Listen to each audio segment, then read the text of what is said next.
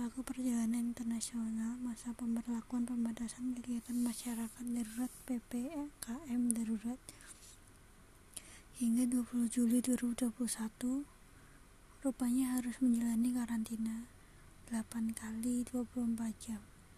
Rentang waktu karantina ini mengalami perubahan sebelumnya 5 kali 24 jam.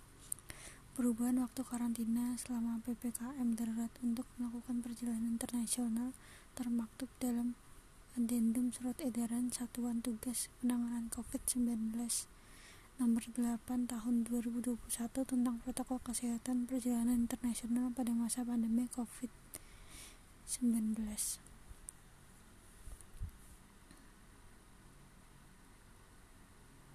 Mengubah beberapa ketentuan dan menambahkan satu ketentuan sebagai berikut. Selaku seluruh pelaku perjalanan internasional, baik yang berstatus warga negara Indonesia maupun warga negara asing, harus mengikuti ketentuan persyaratan berikut.